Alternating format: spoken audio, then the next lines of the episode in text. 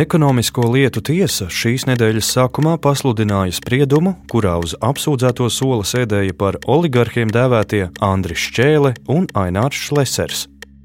Ainārs Šlesers atzīt par nevainīgu, apsūdzībā un attaisnot. Andris Čēle atzīt par nevainīgu, apsūdzībā par noziedzīgu nodarījumu izdarīšanu. Tiesvedība pirmajā instancē noslēdzās ar pretrunīgu atziņu Tiesnesis piekrita, ka savulaik Šlesera vadītā ministrija prāvas centrā esošo digitālās televīzijas konkursu sarīkojusi par labu firmai, kuras uzvarā ieinteresēts šķēle. Taču krāpšanu tajā nesaskatīja. Krāpšana tā nav, bet tad, kas tad tas ir? Jā? Kādi bija lietas apstākļi un cik pamatots ir tiesas secinājums par to turpmākajā atvērto failu pusstundā. Pirmā daļa - atprečošanas plāns.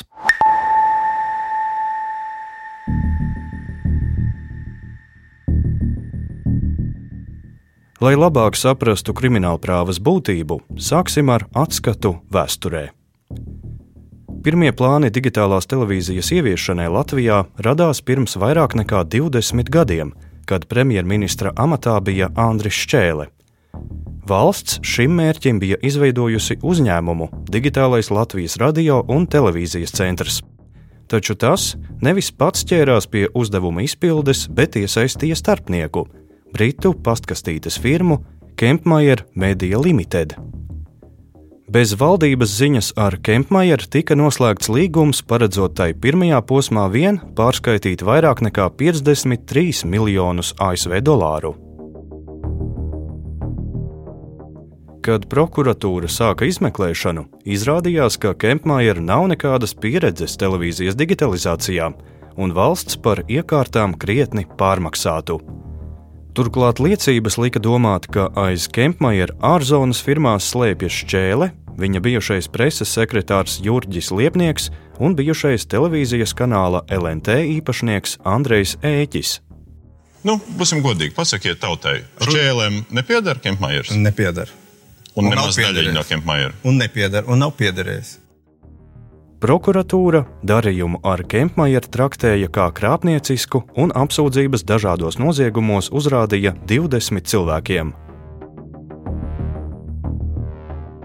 Ilgstošā tiesāšanās šajā lietā beigusies ar četriem atšķirīgiem tiesu spriedumiem. Divi tiesu sastāvi piekrita, ka ir notikusi krāpšana, un daļu apsūdzēto atzina par vainīgiem. Rīgas apgabalties krimināla lietu tiesas kolēģis tiesnesis Tukans Andreju Ēķiem. Atzīt par vainīgu nodzīdzīga nodarījuma izdarīšanā, Jurģi Liepnieku atzīt par vainīgu. Augstākā tiesa apelācijas instances spriedumā saskatīja brāķi un to atcēla, liekot lietu skatīt no jauna bet atkārtotā apelācijas instance noziegumu digitālās televīzijas darījumos nesaskatīja vispār un visus attaisnoja. Rīgas apgabaltiesa šodien attaisnojusi visus digitālās televīzijas lietā apsūdzētos. Prokurs... Taču prāva vēl nav noslēgusies. Prokuratūras spriedumu ir pārsūdzējusi kasācijas kārtībā augstākajā tiesā, komentē prokurors Monvīts Zelčs. Pirmkārt, nav vērtēta visi apsūdzības pierādījumi, to, ko apsūdzības puse eh, lika pamatā šiem apsūdzībām. Otrakārt, eh, pierādījumi ir vērtēti izlases veidā, nu, selektīvi. Pakārtojot, nu, tur acīm redzam, no tiesas eh, sprieduma redzēt, ka tiesa ir izlēmusi, ka viss ir jātaisno un par visiem nodarījumiem. Un tam ir pakārtots faktiski jebkurš vārds un apgalvojums spriedumā. Līgumā ar Kempmajeru problēmas saskatīja ne tikai Latvijas tiesību sargi, bet arī Stokholmas Starptautiskās tirzniecības palātas šķīrējtiesa. Tā līgumu atzina par spēkā nēsošu, norādot, ka valsts tikusi maldināta par Kempmajeru pieredzi šādos projektos. Stokholmas tiesa lika Čaulas kompānijai atmaksāt valstī jau saņemto naudu un tiesāšanās izdevumus - kopumā 10 miljonus dolāru.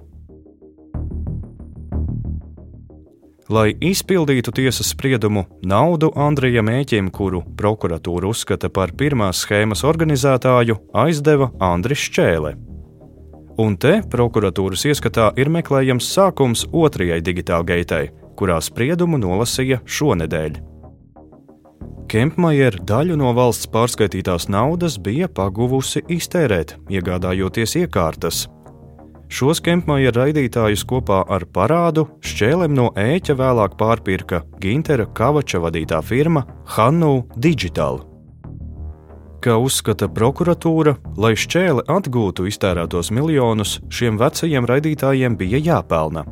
Tāpēc Kavača firmai Hannu Digital bija jākļūst par vienu no digitālās televīzijas ieviesējiem. Un tas arī notika. 2008. gadā Šlesera vadītā satiksmes ministrija rīkoja konkursu par digitālās televīzijas ieviešanu. Konkursā uzvarēja tolaik Jūra Gulbja vadītais Latvijas, kuru tagad visi pazīst kā uzņēmumu TET. Savukārt Hannu Digital kļuva par Latvijas apakšuzņēmēju. Šo darījumu sākotnēji pamanīja valsts kontrole. Revidenti secināja, ka konkurss speciāli organizēts tā, lai bez Hannu Digital nevarētu iztikt. Savukārt valsts kontrole nākus klajā ar kārtējo revīzijas ziņojumu, kas atklāja nesaimniecisku rīcību ar nodokļu maksātāju naudu. Lai gan tehniskā infrastruktūra bija Latvijas valsts radio un televīzijas centra kompetencē, un tas bija gatavs visas valsts pārējai uz digitālo televīziju, konkursa nolikums paģērēja, lai uzvarētājs tūlīt pats spētu nodrošināt apraidi Rīgā un tās apkārtnē. Vienīgie, kas to varēja izdarīt, bija Hanu Digital, Viņu pārpirktās Kempmajer iekārtas tobrīd testa režīmā jau bija uzstādītas Zaķu salas tornī, kur tās digitālās televīzijas apraidei izmēģināja uzņēmums Baltkom. Revidenti, kas cēla trauksmi par šo konkursu, valsts kontrolē vairs nestrādā, bet to joprojām labi atceras tā laika valsts kontroliere Ingūna Sudraba. Viņa toreiz brīdināja, ka darījums sitīs pa televīzijas lietotāju kabatām, un savas domas nav mainījusi arī tagad. Un tas bija redzams no izstrādātiem noteikumiem, ka to var izdarīt tikai tāds um, pretendents, kuram jau ir iekārtas, ko piegādāt. Tad tas nozīmē, ka rēķinājās ar to, ka ir iekārtas, kuras var izmantot, lai, lai jebkādi citi konkurenti nu, nevarētu šajā procesā iesaistīties. Vismaz nu, tā kā tas viss bija šajā konkursā organizēts, par to liecināja. Un, Un tāpēc vēlreiz teikšu, ka, ja, ja savēlk īsumā kopā, tad projekts, lai atprečotu kempmēri tajā brīdī esošās iekārtas. Gan konkursa noteikumi, gan īsie termiņi bija tādi, kas liedza konkursā pieteikties piemēram ārvalstu uzņēmumiem. Tātad visa tā vide jau tik tālu ir tāda, nu, kura jau rada tādu neusticību. Un, un paši izvirzītie noteikumi, kas ļāva, neskatoties uz to, ka radio un televīzijas centram bija iedalīts investīcijas, izveidot šo infrastruktūru Rīgā un Rīgas reģionā, ja tad konkursā tika iestrādāti noteikumi, kas paredzēja lielu priekšrocību, ja īstos termiņos ievies šo ciparu televīziju, tad um, punktu skaitā vērtējot pieteikumu konkursam, ja tas deva ļoti nu, papildus, ja lielus punktus vai, vai īpatsvars tieši šim termiņam, cik ātri ievieš ciparu televīziju, bija ļoti nozīmīgi. Valsts kontrole revīzijas materiālus nodeva tiesību sargiem, kas 2010. gadā ierosināja kriminālu procesu ne tikai par konkursa likumību, bet arī par vēlāk slēgto līgumu pamatotību. Latvijas radio rīcībā esošajās prokuratūras apsūdzībās teikts, ka par Hanu digitālu labvēlīgajiem noteikumiem vienojās Šlesers ar ministrijas valsts sekretāru Nīlu Freivaldu un Latvijas valsts radio un televīzijas centra valdes priekšsēdētāju Lauri Dripi. Valsts sekretāru sanāksmē jau izsludinātajos noteikumos par digitālās televīzijas ieviešanu tika nomainīta norma, kas paredzēja, ka zemes televīzijas apraidi ciparu formātā nodrošina Latvijas valsts radio un televīzijas centrs. Tās vietā tika ierakstīts, ka digitalizāciju nodrošina komersants, kuru konkursa kārtībā nosaka satiksmes ministrija. Turpina prokurors Monvits Zelčs. Šlesers nodrošināja šī ministra kabineta virzīšana, ministra kabineta noteikuma izmaiņas un viņu virzīšanu uz uh, ministra kabinetu. Tur arī piedalījās Dripe un uh, Freivalds. Dripe papildus vēl piedalījās līguma sarunās un nodrošināja, ka LVTC piekrīt tādam līguma attiecībām. un valdība pieņēma izmainītos noteikumus, kas bija priekšnoteikums tam, lai darījumu schēmā iekļautu Hannu Digital. Latvijas gulbis, Mēsītis, Ābele, Ligers. Gulbis ar Ligeru sākotnēji jau piedalījās, bija vienojušies ar Kavats par šo da dalību projektā. Vēl kad nebija nemaz izmainīti šie ministra kabineta noteikumi pieņemti. Viņi piedalījās līguma sarunās arī. Plus līguma sarunās pēc tam pieslēdzās arī Ābele un uh, tas Ligers, kuri arī piedalījās līguma skaņošanā un summu noteikšanā. Pēc tam, kā uzskata prokuratūra, schēmā iesaistījās šķēle. Šķēles loma ir saistībā ar šo viņu firmas UVK ieslēgšanu šajā projektā, līguma noslēgšanu starp Hanu un UVK par konsultācijām un konsultāciju sniegšanu. Tas skaitā ar savu kolēģi atbalstu šim te kavača firmai, kavacim. Par bija... projektu iesaistīšanu projektā, plus izveidošana, divu uzņēmumu izveidošana, kas, caur kuriem tiks skaitīta vēlāk tā nauda viņam un cesijas līguma slēgšana, lai arī varētu to visu naudas plūsmas tālāko kustību un viņi kā attālināšanu no šī kanāla digitāla paša kā tāda. Un no tā, lai nevarētu pateikt, ka viņš ir tiešām gūs labumu no šī līguma. Viņš to tur gūs caur vairākām juridiskām personām. Tas bija kā aizsaks tam, nu, lai, lai pamatot, kāpēc tur nav saņēmis. Jā, nu, es domāju, ka tā, jā, nu, tas tā izskatījās arī pēc viņa liecībām tiesā. Bet tur arī bija redzams, ka faktiski viņš, tas uzņēmums tika izmantots tā, lai viņš varētu pateikt, nu, redziet, viss ir likumīgi, jo mums ir līguma attiecības. Jā. Mēs jau neesam te kaut kā pa kaktiem to, jā, kaut ko tur konsultējuši un bīdījuši. Tikmēr Šlesers, Freivalds un Dripe satiksmes ministrijā turpināja gludināt ceļu iecerētajam uzvarētājam. Viņi vienojās par konkursa komisijas sastāvu un nolikumu, Kā minējām, viens no pretendentu vērtēšanas kritērijiem, par kuru varēja iegūt lielāko punktu skaitu, bija īsais termiņš digitālās televīzijas ieviešanai Rīgā un Pierīgā. Tas pēc prokuratūras domām bija Hannu digitāla interesēs, jo viņi tobrīd bija vienīgie, kuriem bija vajadzīgās iekārtas, turklāt jau uzstādītas Zaķu salas turnī. Vēlāk galvenā loma bija šis konkurss, Nu, plus tā ir virzīšana uz ministru kabinetu to, to noteikumu, bet pēc tam viņš bija tas, kas tika noteikts par konkursu vadītāju un vadīja šo komisiju. Un, un izlēma par šo LVRTC pieteikumu noraidīšanu konkursam nelikumīgi, un savukārt Hānu Digital ar Latviju atzīšanu par uzvarētāju. Nu, bet galā labumā saņēmējs tā var teikt bija Andris Čēlis. Jā, viņš bija tas gala labuma saņēmējs par noteiktu summas apmēru daļa summas palika arī tam uzņēmumam. Respektīvi, ju, juridiskai personai, jā, no digitāla. Tur bija vairāk uzņēmumi izveidoti, lai skaitītu šo naudu tālāk no, viņa, no šī Hanu digitāla gala labuma saņēmējiem. Kāda bija, piemēram, Lesera motivācija iesaistīties? Viņam jau nav jāsaņem labums, to jau arī viņi visi skandina arī tajā pirmajā lietā. Mankārīgi nolūku pierāda arī tas, ka eh, darbības ir veikts citas personas mantiskā stāvokļa uzlabošanai. Tev nav pašam obligāti jāsaņem tā nauda. Bet ko par tā laika notikumiem saka citi? Otra daļa - ekspertīze. Lai izvērtētu darījumu, korupcijas novēršanas un apkarošanas birojas nolīga trīs nozares ekspertus Viens no viņiem bija Ilmārs Mūls, Latvijas elektrisko komunikāciju asociācijas vadītājs. Un toreiz man uzaicināja, toreiz vēl Jūtas Strīķi. Tad, kad tas krimināla process bija uzsākts, ja tur nebija runa par kādiem konkrētiem apsūdzētajiem, kurus varētu vainot kaut kādās izdarībās, bija vienkārši aizdomas radušās, ka tas pasākums izmaksā pārāk dārgi un, un lūdzu ekspertiem noskaidrot, cik tās izmaksas ir pamatotas. Bez Ilmāra Mūla ekspertīzi vēl veica Elmārs Lipenbergs no Sabiedrisko pakalpojumu regulēšanas komisijas un Guntars Balodis, pensionējies RTU mācības spēks. Viņi parakstīja kopīgu atzinumu Tajā ekspertīzes rezultātā faktiski galvenais atklājums bija tāds, ka viena no tām izmaksu pozīcijām bija nu, nesamērīgi liela.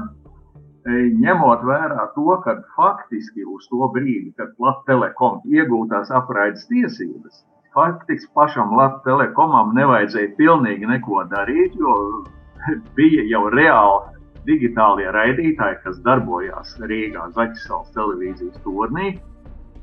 Kā minējām, šos raidītājus uz testēšanas līguma pamata izmantoja uzņēmums Baltkom. Tātad dabūja gatavu infrastruktūru, uz kuru atlika tikai padot programmas, un, un faktiski viss tālāk arī aizgāja. Nu, un tad tā, tā, tā maksāšana tā tad, nu, notika par tā, tā saucamo zinātnības licenci. Mums, kā ekspertiem, lika novērtēt to, to know-how dokumentāciju, kas tas ir. Nu, tad, kad mēs to redzējām, nu, mēs no sākuma ilgi un ļoti smējāmies par to, kas tajā dokumentācijā bija. Nu, tad tā ar ekspertīzē jau uzrakstījām, ka nu, tas, kas ir iesniegts kā, kā zinātnības licence, tas nu, faktiski ir pilnīgi krieviski to sauc par pīķinu grāmatu. Ja?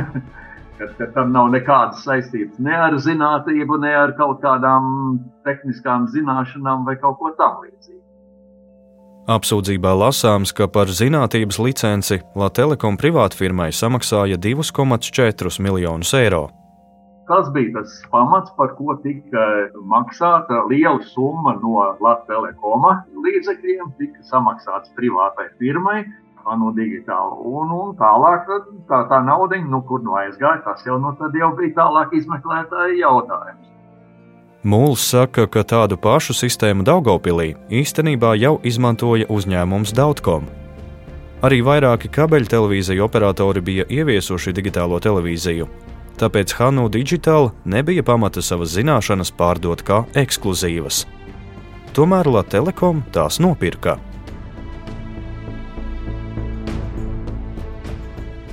Izmeklētāji ekspertiem uzdeva arī papildu jautājumus. Piemēram, kurš tad īsti raidīja? Mēs uzskatījām, ka tomēr no faktisko raidīšanu veids tas Latvijas valsts rādio un televīzijas centrs, kurš tos raidītājus tiešām arī apkalpoja Latvijas telekom funkcija bija tāda, ka tikai padot programmas un, un izmantot to. Nu, līdz ar to teiksim, man personīgais iespējas tajā brīdī bija tāds, ka cietušais ir tieši tas SIA Latvijas telekom vai ne, un tad atliek tikai tad noskaidrot, ir, kurš tad ir tas vainīgais, kas, kurš to Latvijas telekom ir apšmaucis. Bet nu, tas, tas bija tas, tas būtiskākais šajā lietā visam. La Telekom ilgus gadus vadīja kādreizējais šķēlēm piedarošās Avelata grupas finanšu direktora vietnieks Juris Gulbis. Uzņēmums sevi par cietušo šajā krimināllietā nekad neatzina. Tam, kā vēlāk izrādīsies, būs svarīga nozīme tiesas spriedumā. Savdabīgi pavērsieni tiesas laikā notika ar ekspertiem, Ilmāram Mūlam apsūdzēto advokāti bija pieteikuši noraidījumu. Kā galvenais pamatojums pieteikumam, eksperts personīgi pazīst telekomunikāciju nozarē iesaistītos, un tas apsūdzēto aizstāvju uzskatos ir interešu konflikts. Ekspertīzes Tikmēr cits eksperts, Gunārs Balodis, savu parakstu no ekspertīzes atsauca. Sazvanīts, Balodis vairāk klusē nekā atbild uz jautājumiem par radikālo viedokļa maiņu. Nu, tāpēc, kad es esmu tehniskais eksperts, es nevaru ļoti precīzi ekspertēt uh, šīs te finanses lietas. Tas bija arī otrs, tā otra puse, kāpēc es atteicos. Vai sanāk, ka viņš pārgājis apsūdzēto pusē? Jā, tā, tā, tā es varētu apstiprināt. Jā. Savukārt Mūls norāda uz vēl vienu vērā ņemamu faktu. Īsais termiņš Latvijai atspēlēsies nākotnē. 2009. gadā nebija nekāda pamata runāt par steidzamību, ja tas laiks bija līdz 2015. gadam. Kritiskais datums bija 2015. gada vasaras vidū, pēc kura analogajai televīzijai vairs netika nodrošināta frekvenču spektra aizsardzība. Tā to lielo steigu, taisnība sakot, Latvija tagad ir iekūlusies drusciņu problēmās. Jo tās e, maksas programmas, ko PET izplatīja, nu, aizņem gana daudz vietas. Tajā laikā, kad ieviesa, tad tas digitālās televīzijas standarts, viņš saucās vienkārši DVB strīpiņa T, kas ir Digital Video Broadcasting Terrestrial. Bet pa šo laiku, līdz 2015. gadam, bija izstrādāts jau jauns standarts DVB-T2. Un tagad rezultāts ir tāds, ka e, gan Igaunijā, gan Krievijā, gan Baltkrievijā ir visur uzstādīts tas modernākais DVB-T2, kur var stipri vairāk programmas un lētāk pārraidīt. Mums ir tas vecais DVB-T, jo nevienam neceļās roka tagad pateikt visiem iedzīvotājiem, ka visi tie televizori, kas tika nopirkti priekš DVB-T, ka tie tagad ir jāmet ārā un viss jāpērk pa jaunu.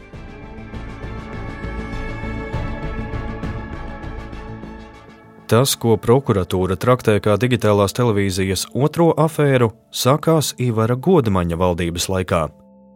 Bijušais premjerministrs neatminas, ka valdības sēdē būtu par to diskutēts. Pirmais no, šī, no šīs situācijas atceros, ka ministrs man noinformēja, ka uzvarējis konkursā ir Latvijas Telekom. Un es biju ļoti apmierināts ar to.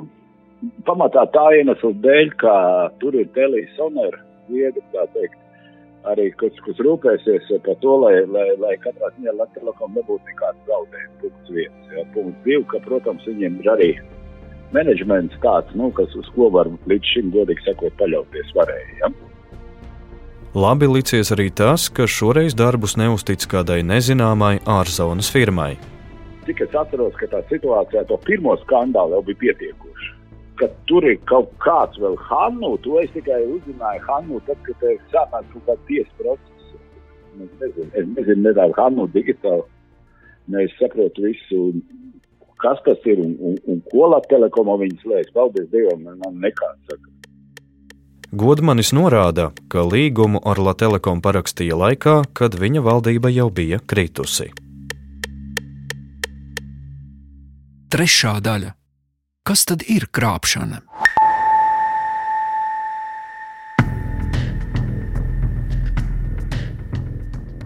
Apsūdzības šajā lietā uzrādīja deviņiem cilvēkiem. Visus apsūdzēja krāpšanā lielā apmērā organizētā grupā. Apsūdzēto vidū no satiksmes ministrijas puses ir Ainārs Šlesers, Nils Freivalds un LVRTC bijušais šefs Lauris Dripe.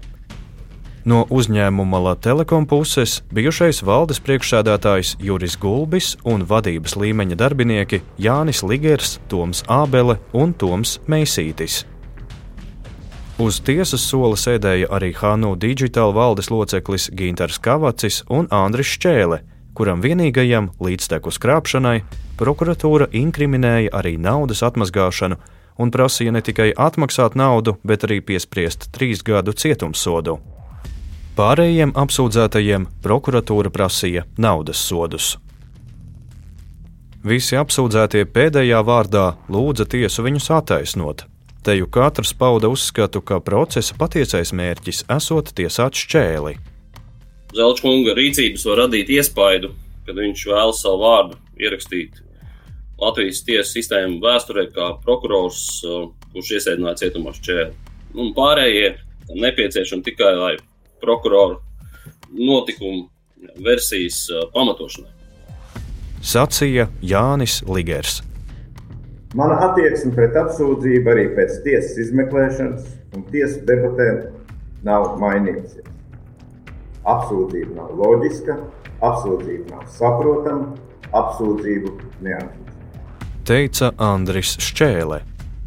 Lūdzu, tiesa mani attaisnot noziedzīga nodarījuma. Godātā tiesa, lūdzu, taisīt taisnīgu, un manus kolēģus. Tāpēc godātā tiesa šajā lietā lūdzu ne tikai taisīt tādu. Pēc gadu ilgas tiesāšanās pirmā instance pasludināja apsūdzētajiem labvēlīgu spriedumu.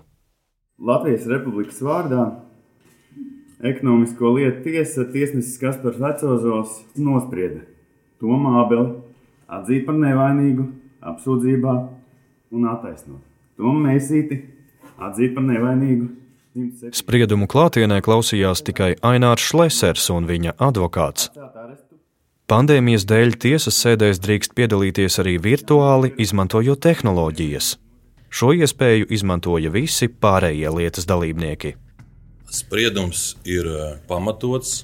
Eh, tas, eh, ar ko nodarbojas prokuratūra Zelča kungu priekšgalā, Zelčs kopā ar ģenerāli prokuroru Stukānu nolēma safabricēt lietu, jo Stukāns ir bijis pirmais tiesnesis lielajā digitālajā lietā, kura ir izgāzusies, visi cilvēki ir attaisnoti. Un šī lieta tika radīta kā fona lieta, lai ietekmētu lielo lietu. Pēc sprieduma sacīja Šlēsers. Valsts ir, ir nopelnījusi simtiem miljonu caur šo konkrēto cibertelevīzijas ieviešanu.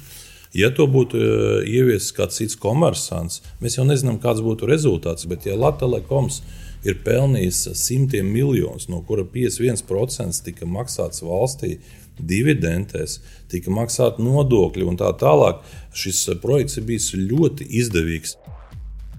Tiesas motivācija, piekrītot apsūdzētajiem, būs redzama pilnajā spriedumā, kura vēl nav. Taču galvenos iemeslus tiesnesis Vecozols ieskicēja uzreiz pēc sēdes. Ja nav cietušā, nav krāpšanas.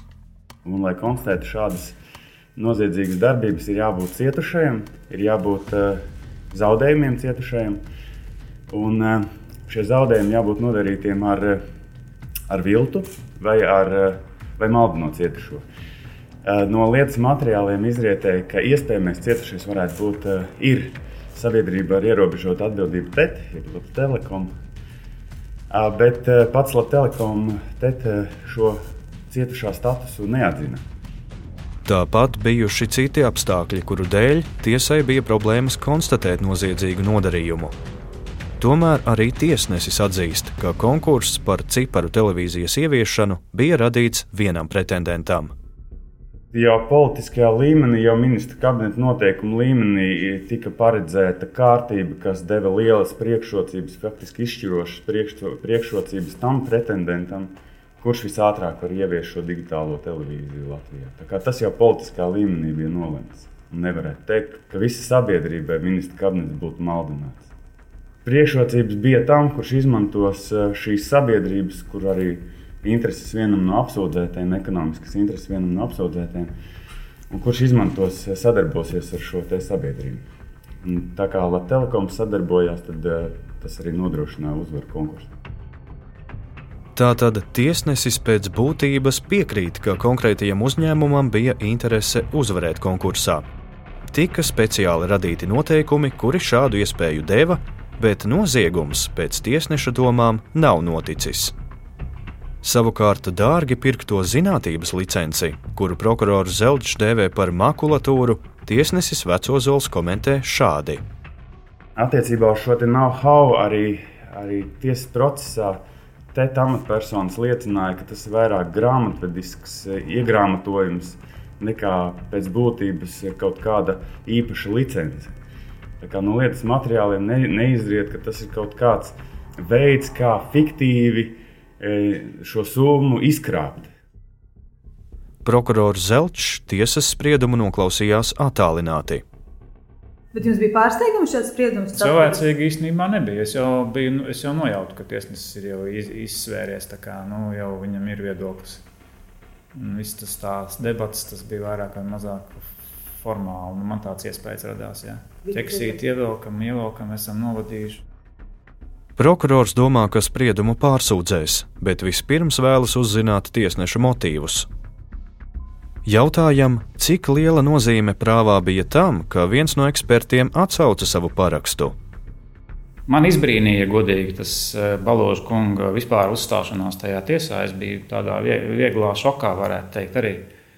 Prokuratūra ar šo ekspertu sadarbojās arī pirmajā digitālās televīzijas krimināllietā. Gunārs Balodis vērtējis dokumentus un atstājis kompetenta speciālista iespaidu. Es izbrīnījos, ka viņš nespēja atbildēt uz kaut kādiem jautājumiem. Radās tāds apmēram tāds iespējas, ka viņš kaut kā, nu, kaut kas nav ar veselību varbūt cilvēkam. Tā aizstāvība no viņa, ja tā vienkāršiem vārdiem sakot, izkļančīja, ja pierunāja viņu, lai viņš atsauc. Ja? Tur tie tiesne, tiesnesim varbūt arī būtu bijis vairāk jāiejaucās. Prokurors gan šaubās, vai šī liecība bija izšķiroša, jo pārējie divi eksperti uzturēja sākotnējo ekspertīzi. Bet acīm redzot, kaut kāds brīdis, iespējams, arī tā, tā eksperta uzstāšanās neveiksmīgā. Kaut kāds bija brīdis, kad varēja just, ka viņš jau tā kā nu, ātrāk, ātrāk, ātrāk, es jau gribu tagad jau, jau to, to, to, jau spriedumu jau kaut kad. Jau. Jautāts, vai tiesas procesā vēl kāds mainīja liecības, prokurors atceras epizodi ar nu jau bijušo LVRTC valdes priekšsēdētāju Jāni Boktu. Pirmstiesas izmeklēšanā viņš un pārējie LVRTC darbinieki liecinājuši, ja centram kā sākotnēji plānots būtu uzticēta ciparu televīzijas ieviešana, Hanu Digital nepiesaistītu. Te viņš kaut kā, man liekas, liecināja, ka kā, viņi tā kā būtu. Zelčs stāsta, ka LVRTC pats grasījās pirkt raidītājus un apmēram 80 pārējos Latvijas apraidē nepieciešamos raidītājus arī nopirka. Uzmanības vērts ir fakts, ka Boktas māsa, zvērināta advokāte Sanita Bokta Strautmane, šajā tiesā aizstāvēja vienu no apsūdzētajiem Lauri Dripi. Tet sevi par cietušo neatzina, jo digitālo televīziju uzskata par labu biznesa projektu.